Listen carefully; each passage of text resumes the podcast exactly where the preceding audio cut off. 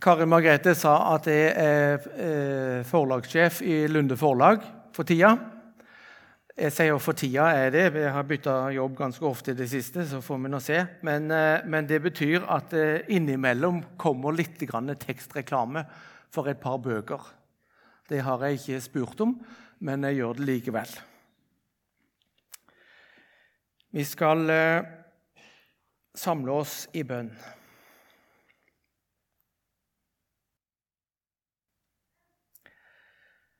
Herre, til deg får jeg komme, stille meg åpen for deg. Jeg kan ikke skjule det minste, du kjenner hver tanke i meg. Men enda du vet om min skrøpelighet, får jeg likevel komme som jeg er. All din tale er sann, og den gjør at jeg kan være trygg på at du har meg kjær. Herre, til deg kan jeg bringe alt det som tynger min sjel.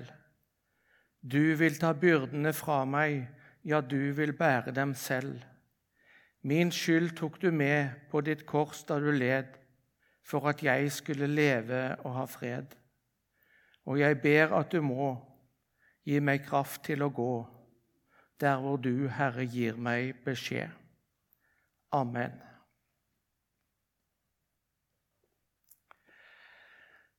I dag er det altså søndag før pinse. Det er det søndagen heter. Eh, men, men, sånn innholdsmessig i det som er teksten for dagen, og i det som er situasjonen i Det nye testamentet for denne dagen, så, så skal vi huske på at det er jo egentlig søndag mellom Kristi himmelfartsdag og pinse. Jesus er reist opp til himmelen. Disiplene står eh, undrende tilbake.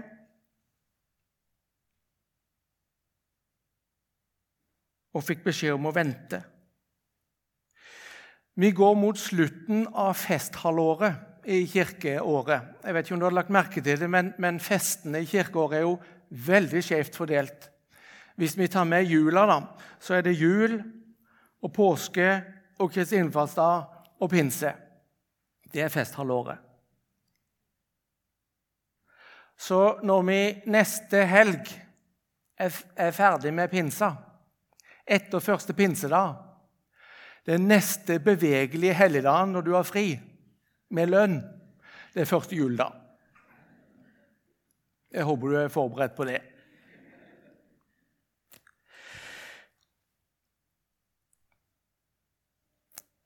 Jula den varer så lenge den varer, holdt jeg på å si. Og påska den varer jo stort sett i eh, ei uke, drøy uke. Litt sånn med hvor, hvor lenge du begynner på forhånd. Eh, og pinsa den er ganske kort. Og så har vi jo sammen med arbeiderbevegelsen blitt enige om at vi tar én dag til. Andre pinsedag. Men, men pinsa den fortsetter og fortsetter. Ja, sånn i, sånn i kirkeåret så blir det jo snart adventstid, og da er liksom pinsa over. Men, men, men pinsa i, i, i, kirkens tid, den varer og varer. Nå er vi fremdeles i tida etter pinse. Nå kommer det ikke noe nytt før Jesus kommer igjen i herlighet.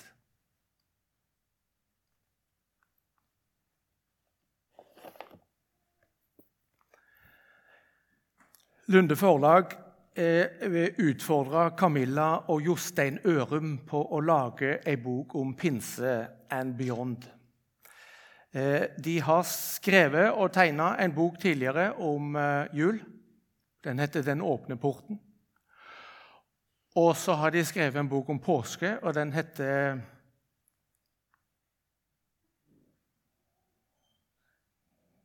Den åpne porten. Hva heter den? Og datt ut. Jeg hadde ikke det i manus. Eh, men i alle fall så tenkte vi det at da må vi òg ha en bok om pinse. Så her er det gjensyn med eh, eselet Isak og katten Samson eh, og hva de finner ut om pinse. Og det som jeg syns er spesielt fint, det er at den siste illustrasjonen i den boka det er en jordklode. Med pilene som går ut fra Jerusalem og, og i alle retninger. Det er pinse. Etter andre pinse da, så fortsetter det og fortsetter helt til verdens ende.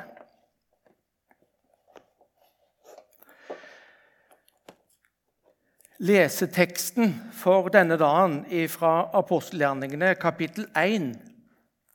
Den skal jeg ikke lese, men den sier jo noe om det som skjedde egentlig på Kristi himmelfartsdag og i dagene etterpå. Det var disiplene. De var samla der de pleide, står det. De elleve og noen kvinner og Maria, altså Jesu mor, og hans brødre. De hadde sett Jesus dø. De hadde sett han etter han sto opp igjen fra de døde. Og på Kristi himmelfartsdag, 40 dager etter oppstandelsen, så så de at han ble tatt opp til himmelen. Inn i skyen og inn i Guds virkelighet, for å si det sånn. Og så skulle de vente i Jerusalem til kraften kom, sa Jesus. De er samla i bønn. De er ikke redde lenger. De har fått en ny frimodighet. Ja, så ivrige er de blitt at Jesus har sagt at nei, nå skal dere først og fremst vente og be, og så skal kraften komme. Og så sitter de der i bønn i den øvre salen der i Jerusalem, hvor de pleide å samles. Og vi kan vel lære noe av trofastheten og forventningen. Og så kommer pinsedagen ti dager etterpå det igjen. Da får de kraften, da utgytes ånden, da får de den vinden i ryggen som de trenger. Eh, lite ante de vel om hva som skulle skje. Jesus hadde sagt litt. Jeg skal begynne i Jerusalem, og så skal jeg gå til Judea og til Samaria og helt til verdens ende. De trengte kraften. Leseteksten fra Det gamle testamentet den handler om gjenoppbygginga av tempelet i Jerusalem. Etter at eh, jødefolket var kommet tilbake fra fangenskapet i Babylon. Det første tempelet ble bygd av Salomo og ødelagt da babylonerne inntok og ødela Jerusalem. Nå skulle de bygge det opp igjen. Og Herodes den store han utvida tempelet. Så det var et praktbygg med enorme dimensjoner. den tempelplassen der i Jerusalem. Og de jødiske folk var skrekkelig godt fornøyd med akkurat den sida ved Herodes den store. Disiplene gikk òg og beundra dette veldige byggverket. Og så sa Jesus provoserende.: Riv dette ned, så skal jeg bygge det opp igjen på tre dager. De ble brukt imot Jesus som en falsk anklage. De, de, de sa det til romerne at han, han, sier at han har tenkt å rive tempelet. Nei, det sa han ikke. Men dere kan rive tempelet, og så skal jeg bygge det opp igjen på tre dager. Og etter oppstandelsen så kom de på dette, står det. Og så skjønte de at det var om sitt legeme han snakka om. Nå står det ikke noe tempel på tempelplassen. Det står en muslimsk klippe, klippedom. Og så står den muslimske Al-Aqsa-moskeen der, hvor jødenes tempel sto en gang.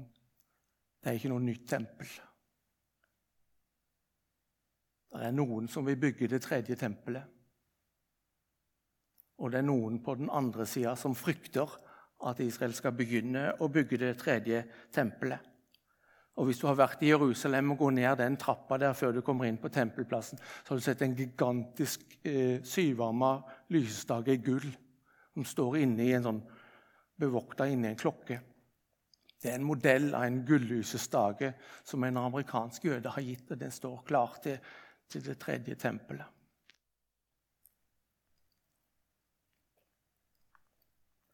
Men Gud bor ikke lenger i bygninger av stein og tre. Nå bor Gud ved Den hellige ånd i hjertene på de som tror. Men vi skal fortsatt bygge tempel. Men åssen gjør vi det? Ved å fortelle om Jesus og Den hellige ånd kan flytte inn i stadig nye hjerter, og så utvider tempelet seg. Legg merke til det neste gang du leser i Johannes' åpenbaring.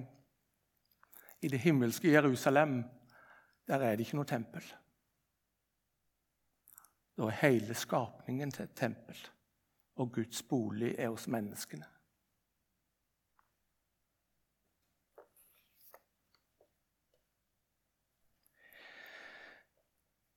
I evangelieteksten, den som står i Johannes kapittel 15, vers 26 og 27, det er veldig, veldig kort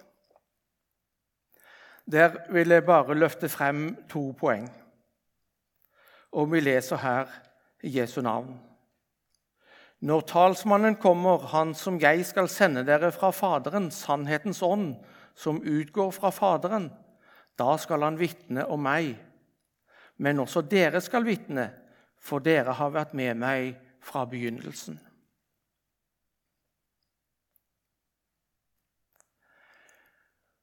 Disse to korte versene er fra før Jesu døde oppstandelse. Det er fra skjærtorsdagen i påskeuka. Jesus har siste kvelden sammen med disiplene. Og så holder han sin avskjedstale, som er gjengitt i Johannes evangeliet kapittel 14, 15 og 16. Og så ber han til slutt i kapittel 17. Og Dette er slutten av kapittel 15. Det er midt i denne talen så har han to vers. To setninger om talsmannen som skal komme og vitne, og om disiplene som skal vitne. Talsmannen, når talsmannen kommer Han har brukt kapittel 14 og litt i 15 på å forklare hva er dette talsmannen ja, Det er et litt vanskelig ord å oversette, og, og det er noe som mener, altså, det har en litt sånn rikere betydning enn det vi får frem på norsk. Advokat, en hjelper, en trøster. Eh, direkte oversatt er en som er tilkalt. En du kan kalle på, rope på, og som kommer til hjelp. Talsmannen er Gud som ved Den hellige ånd bor i hjertet hos den som tror.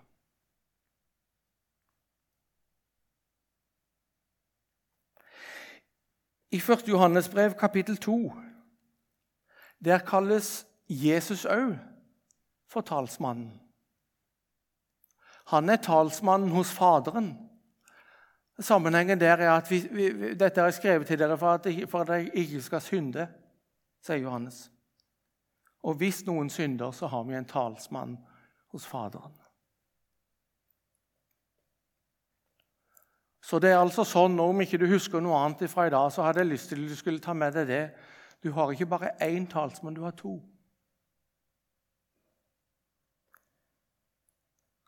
For den som tror, så er det sånn at vi har én talsmann, Gud ved Den hellige ånd, som har flytta inn i vårt hjerte.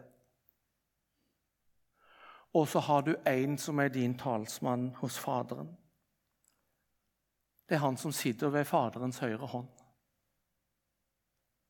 Og der er han for å be, for det står det i hebreerbrevet. Og én talsmann her nede på jorda og så har du én talsmann ved Guds trone.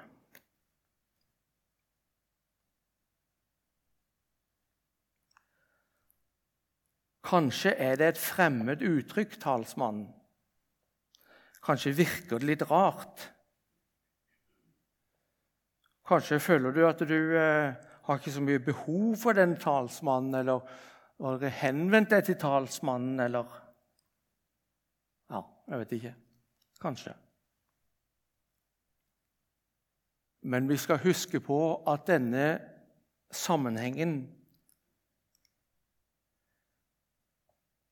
er en tale om hva de skulle få, disiplene, og hvorfor de hadde bruk for det. For Jesus fortsetter. Dette har jeg talt til dere for at dere ikke skal ta anstøt. De skal utstøtte dere av synagogene. Det kommer en tid da hver den som slår dere i hjel, skal tro at han gjør Gud en dyrkelse. Og dette skal de gjøre fordi de ikke kjenner Faderen og heller ikke meg. Og det blir jo òg realiteten for de aller fleste av disse som er samla her. De går døden i møte fordi de vitner om Jesus som sann Gud og sant menneske. Tror du de trengte talsmannen? Ja. Tekstreklame to. Til høsten kommer Lunde Forlag med en bok som er skrevet av den svenske eh, teologen, forkynneren og forfatteren Olof Edsinger. Den heter 'Farlige for fienden'. Og den handler om den kampen som foregår i den usynlige verden.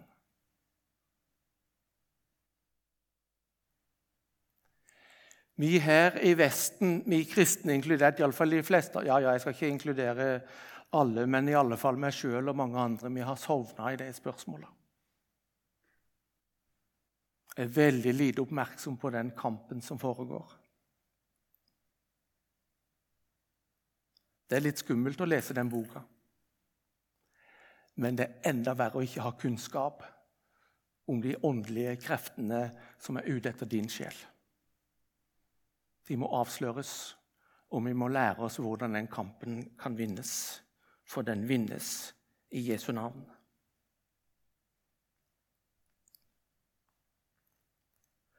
Men også dere skal vitne, sier Jesus. Først og fremst gjelder det de disiplene som er samla der.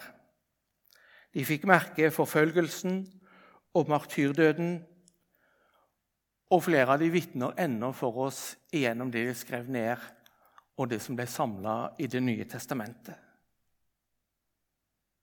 Dette har en sammenheng med det Jesus sier i andre sammenhenger til disiplene eller til apostlene.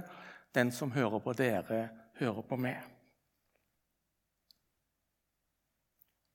Men nå er det oss. Også dere skal vitne, sier Jesus. Og det understrekes gjennom de versene fra leseteksten i 1. Peters brev.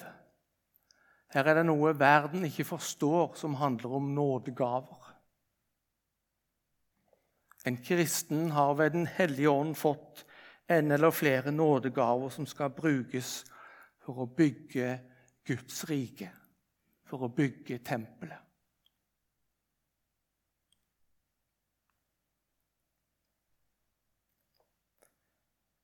Jeg vet iallfall hva jeg ikke har nådegave til. Jeg prøvde meg i ungdommen. Det var de aller kuleste i misjonssalen på 90-tallet, i studietida. De, de, gikk ut på, på Karl Johan og vitna på fredagskveldene. Og jeg kjente bare at det der er ikke for meg. Men så var det ei jente, da, vet du, som spurte om ikke jeg ble med. Og, og akkurat da sa jeg jo, det, det er klart jeg skal det. Ja, så gikk vi sammen noe med, da. Først var vi her inne og ba og forberedte oss, og sånn, og så gikk vi ut, og så så jo så ut en person, en stakkars person som ante fred og ingen fare, og gikk på Karl Johan og ble overrumpla av to eh, soldater. Og så var det vi som begynte å snakke. Og etter noen få minutter så stokka det seg helt med, og hun jenta som er evangelisert sammen med, hun bare fortsatte nedover gata. Så jeg fikk bekrefta det, iallfall.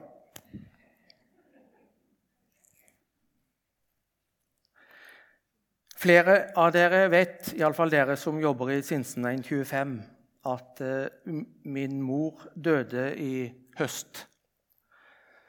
Og jeg er jo ikke oppvokst i noe kristent hjem, for å si det sånn.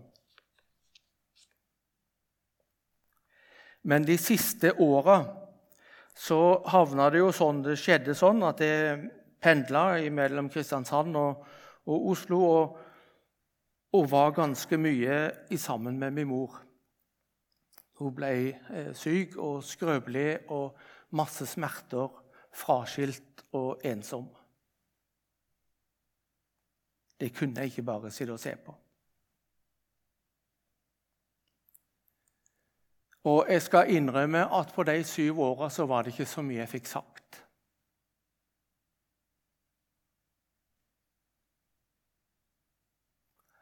Men jeg tror kanskje at noe av det jeg fikk gjort, var med på å peke på noe. Og vet du, den siste gangen vi var ute og trilla i rullestolen Jeg vet ikke hvor mange ganger jeg hadde gjort det. Men jeg sa på lørdagen ei uke før hun døde, at i morgen da går vi på gudstjeneste i Lund kirke. Ja, det vil hun.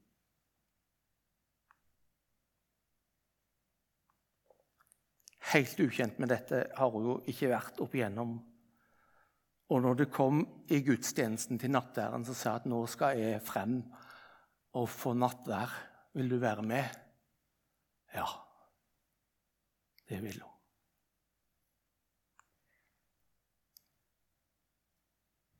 etter et langt liv.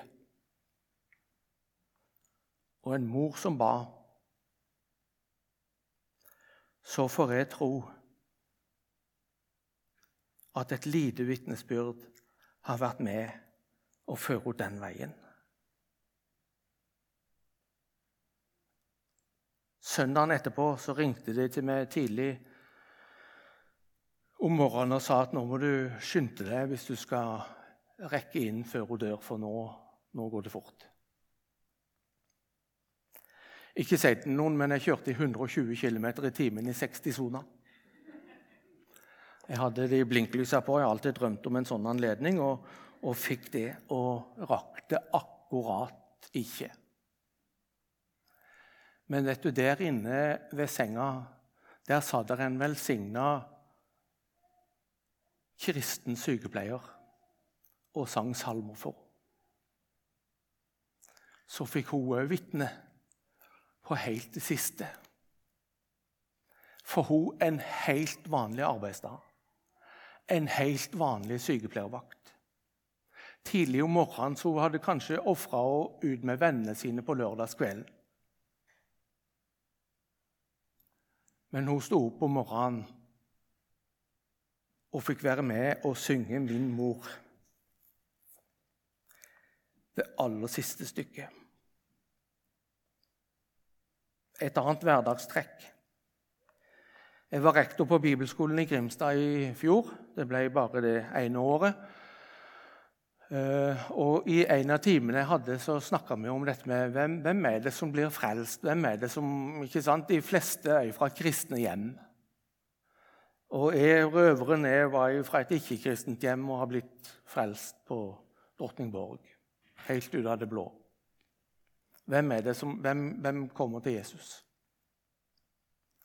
Og det var jeg som rakk opp hånda og var veldig lei seg. Så for hun sa det at ja men, ja, men jeg er jo kristen bare fordi foreldrene mine er kristne. Jeg er født i Norge, jeg er født i et kristent hjem.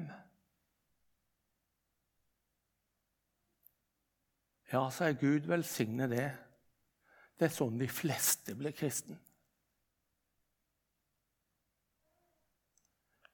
Legg sammen alle vekkelsesmøter og kampanjer og alt du vil.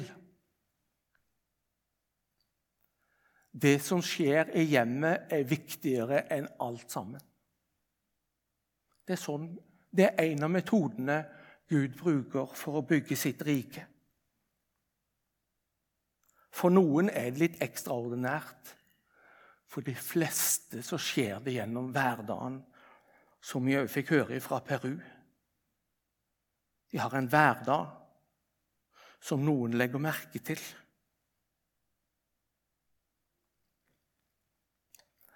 Det som de sier på Jæren ja, Det er jo en god del her som forstår jærsk. Det er jabna som dræge. Ja. Det er sånn det er. Det er i hverdagen det skal vises om vi følger Jesus eller ikke. La det komme naturlig, men bruk anledningene du får. Vi satt på lærerværelset på Tryggheim. Jeg har jo rota meg vekk der òg, og vært der òg et helt år.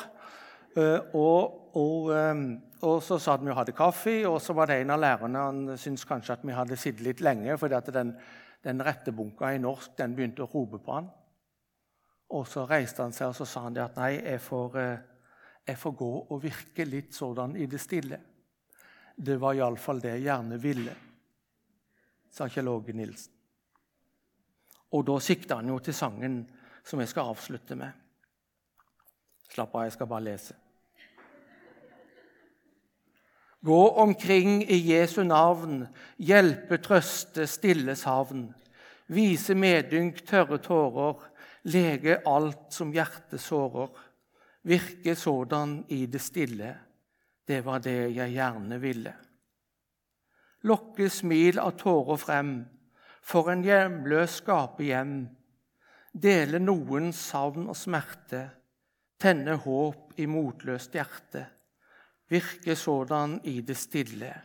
Det var det jeg gjerne ville. Amen.